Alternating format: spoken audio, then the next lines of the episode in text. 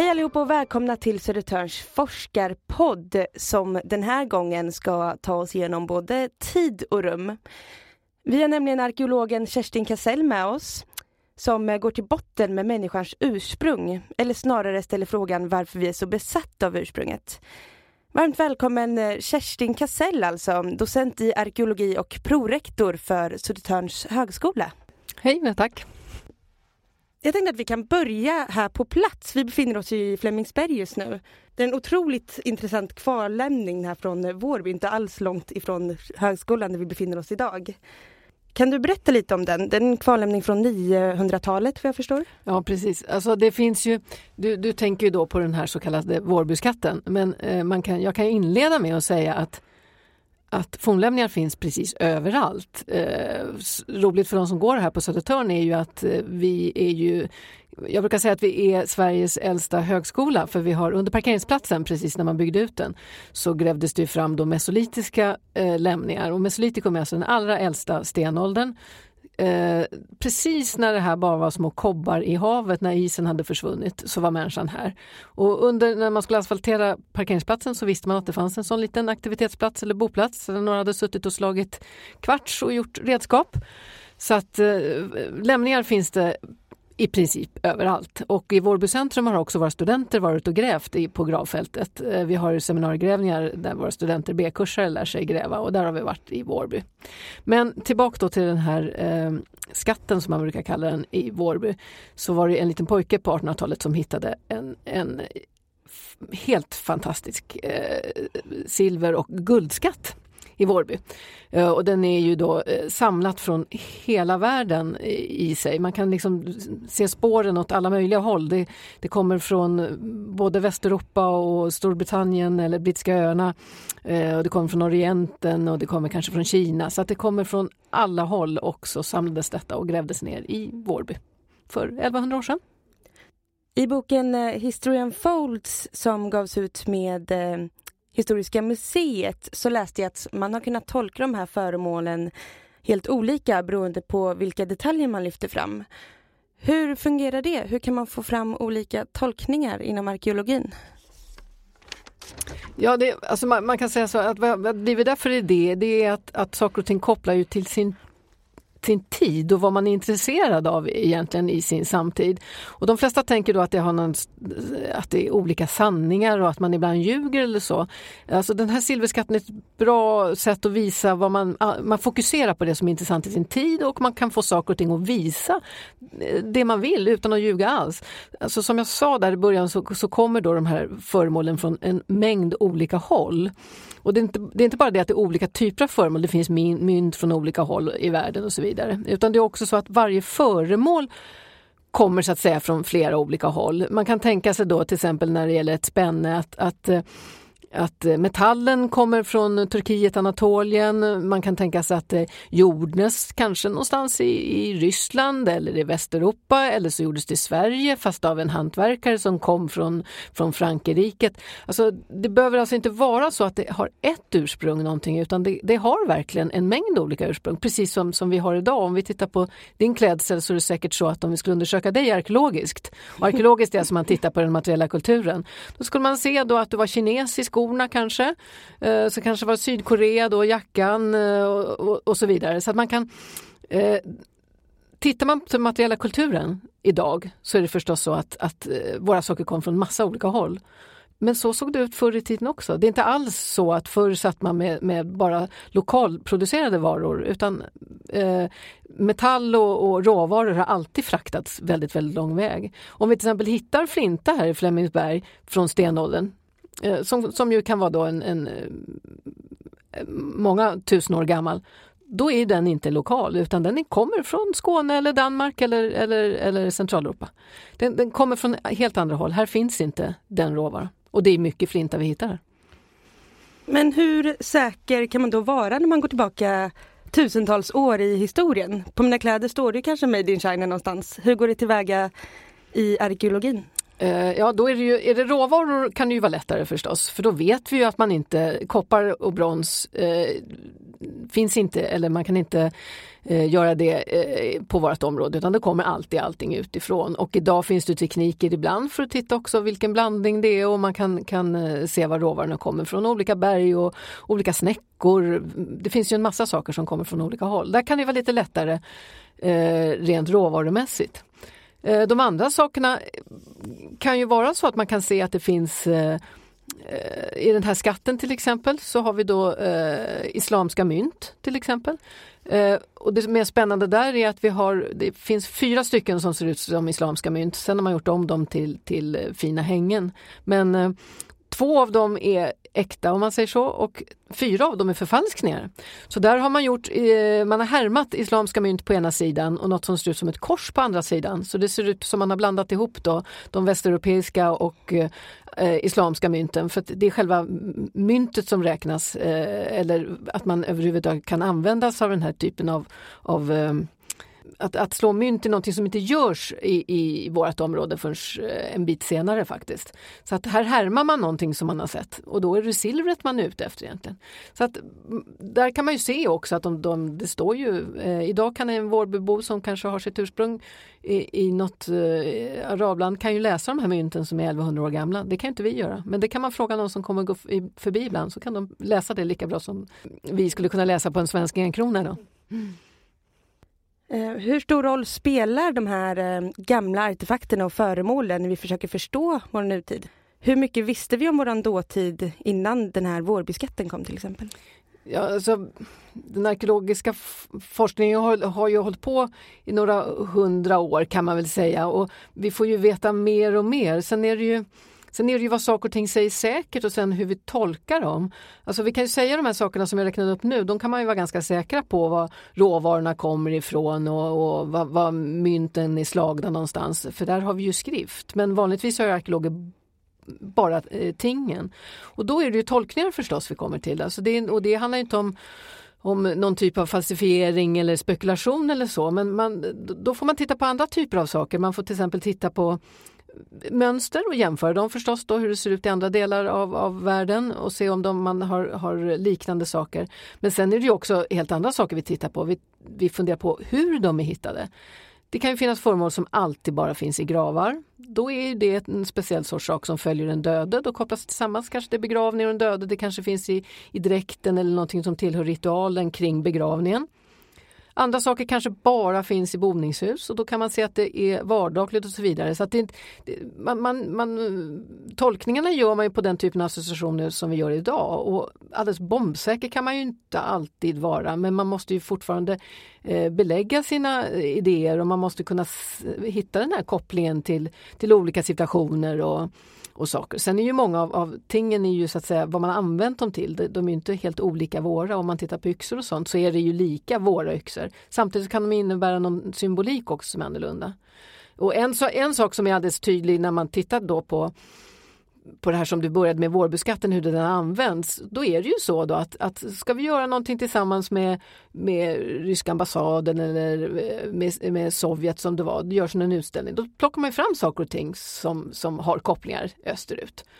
Eh, och den här vårbeskatten den är så intressant för den har kopplingar österut och västerut och syd och överallt så att den har använts på jättemånga sådana typ diplomatiska eh, sammanhang skulle man nästan kunna uttrycka det som. Och ingen av dem allt det där är ju sant för det är en sån fin blandning i den här eh, depositionen. Samtidigt är det så att vissa saker lyfts fram oftare än andra. Och där måste man ju vara vaksam och fundera på om det är vi i vår tid som speglar oss. Alltså vi vill hitta någonting i forntiden som kan legitimera att vi gör si eller så. Och, och där kan en arkeolog vara en slags väktare tycker jag mot det sättet att ar man, man använder historien för att säga så här har det alltid varit, vi har alltid varit ditt eller datt. Eh, och, och, som du vet så har ju använts främlingsfientligt och så vidare. Och då kan man som arkeolog säga att så ser det inte alls ut. Det finns också det här och det här och det här. Och man kan visa på helt andra saker. Eh, och då, då får man fram en annan bild. Helhetsbilden blir ju mycket mer än de enskilda små delarna. Du har eh, arbetat mycket kring det här med att sanningarna i arkeologin kan skilja sig beroende på vilken fråga man ställer.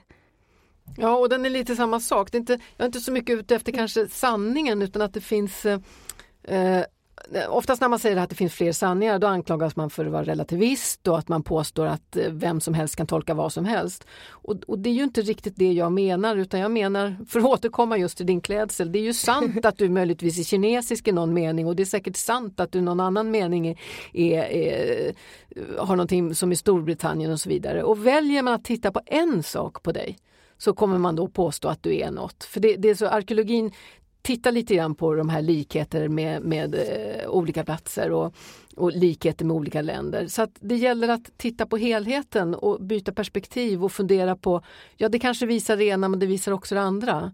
Eh, och jag gör ju också jämförelsen i den här eh, eh Eh, jag har skrivit några artiklar om det här med DNA som man de flesta tycker verkar jättesant och det kan ju bara vara fakta och det måste vara oproblematiskt. Men då är det ju så att eh, eh, du och jag har ju då eh, ovanför oss har vi liksom en mamma och en pappa, då har vi två stycken och sen blir de fyra stycken när vi kommer upp i, i, över generationen och så vidare. Och när man tittar då tusen år tillbaka så har vi nästan en miljon förfäder egentligen. Men när man tittar på sådana här gammel-DNA som man gör för att hitta en förfader, då har man alltid bara en förfader en linje och en förmoder i en linje. Och det innebär att alla de andra vindlande som vi ju består av, de försvinner och förenklas ner i en sån historieskrivning. Och den är ju den är inte lögn, men nästan, för den är en sån förenkling av en mycket mer komplicerad verklighet. Och, och det är det jag lite grann är ute efter när jag tittar eh, på hur saker och ting blandas i historien och framförallt hur det alltid har blandats på det där sättet. Saker har kommit från olika håll jämt, även hitåt till Flemingsberg och parkeringsplatsen som då var en liten kobbe. Vad är din favorittyp av föremål att undersöka eller finns det någon särskild tidsålder som du tycker är extra spännande? Nej, ja, alltså föremål vet jag inte kanske. Sen har jag ägnat mig väldigt mycket åt järnåldern får jag säga. Jag har velat bredda mig men jag skrev min avhandling om järnåldern och det, gör ju, det är en tid i, i, sin utbildning som man har tid att riktigt eh, eh, ja, koncentrera sig och fördjupa sig. Så jag kan, kan, väl mest om den tiden får man säga, den äldre järnåldern. Men sen har jag försökt, eh, speciellt i arbetet som jag skrev, det gemensamma rummet som jag skrev för några år sedan, då försökte jag bredda mig och verkligen visa på det här över tid. Eh, men, men jag ska väl säga det att, att det är ändå, äldre järnåldern är väl min, min, min tid eh, som jag kan, kan mest om i alla fall. Finns det någon särskild historia från järnåldern som du kan berätta eh, utifrån liksom arkeologins forskning?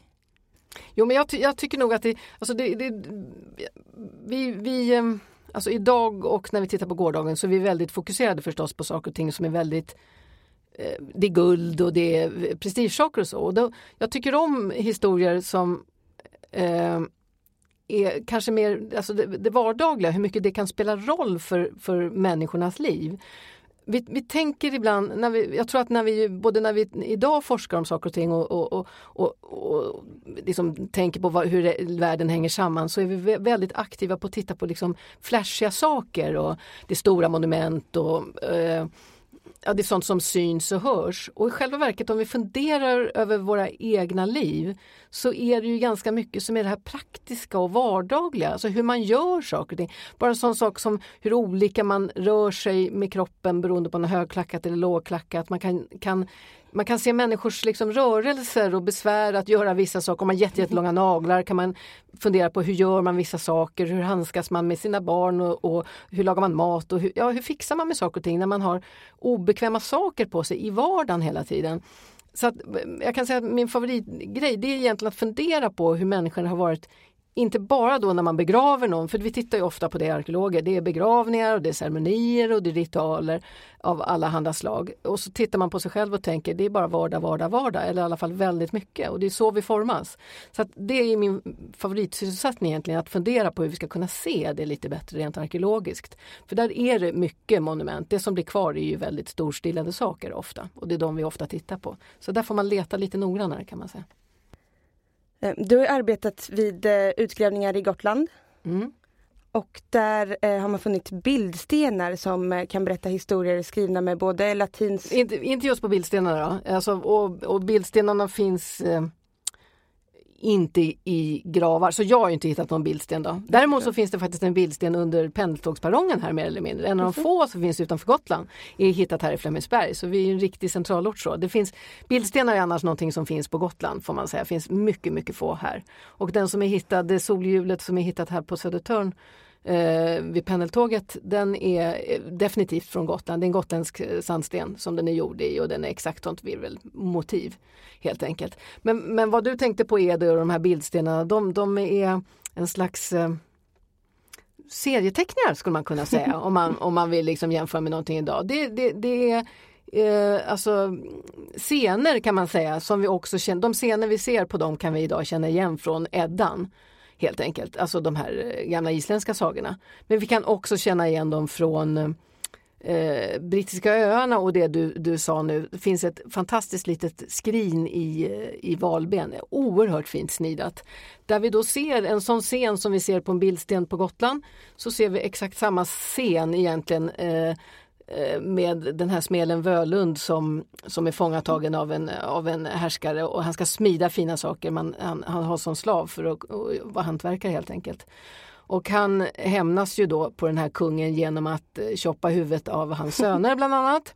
Och smida guldskålar av skallarna. Oj, och, sen så, och på bilden då där så ser man sönerna ligga avchoppade, då, då, då, är det bara kropparna och sen har då den här eh, hämndfulle smeden, han har smidit små guldkoppar och sen så har han också förgripit sig på dottern till kungen.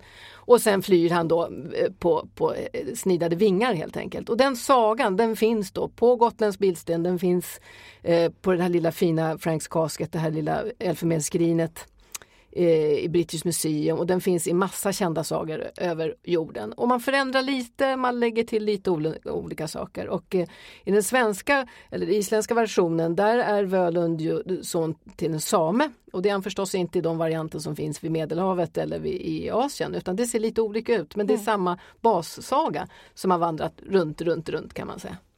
Och man hör ju när du pratar om det, det, det är litteraturvetenskap och det är mer klassisk historia där man kollar mer på bilder och texter för att förstå sitt ursprung. Ja, ja. Det är så mycket mm. i arkeologin. Hur mm. tvärvetenskaplig måste man vara för att förstå sin dåtid? Just här när jag pratar järnålder så blir det ju så.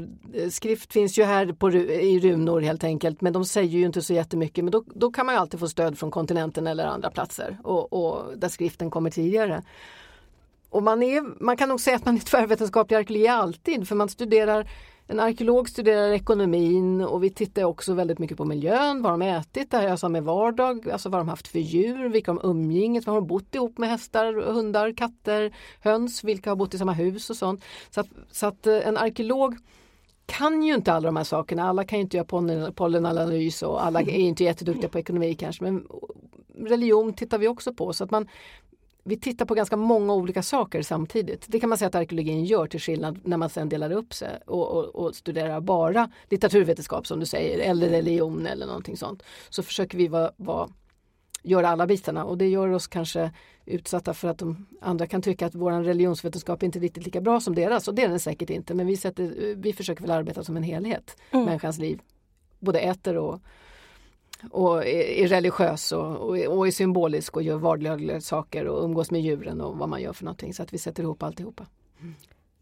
Och, och det spåret som jag upplever att du har tagit då väldigt mycket, det är att kolla på migrationen och kulturmötena. Ja, precis. Som det har inneburit. Mm, mm. Uh, har vi någon uh, Finns det någon gemensam kultur eller är allting spritt hipp som happ genom hela historiens gång? Alltså, min tanke och, och, som jag jag skrivit i gemensamma rummet bland annat, det är det, alltså, vi kan ju se idag likväl som vi kan se så långt tillbaka man kan egentligen, det är ju det här att människor har någon slags vi och dom-tänkande, alltså det är vi inom gruppen och de, de andra. Eh, och då är det lätt att tro att det skulle vara samma vi hela tiden, att det skulle vara ett, ett, ett liksom, det har varit vi svenskar eller vi någonting mot någonting alltid. Eh, vad jag tänker mig snarare är att man, man, man, man känner ju varandra och man vet hur man gör, man, vi vet hur man står i busskö, man gör olika saker så retar man sig på att andra inte gör riktigt samma sak. Eh, men det där förändras ju hela tiden. Det, det, är liksom, det är därför de äldre klagar på de yngre egentligen. De gör inte som man gjorde förr och de beter sig inte som man gjorde förr och så vidare. Alltså det är ju, traditionen är ju alltid satt i förändring.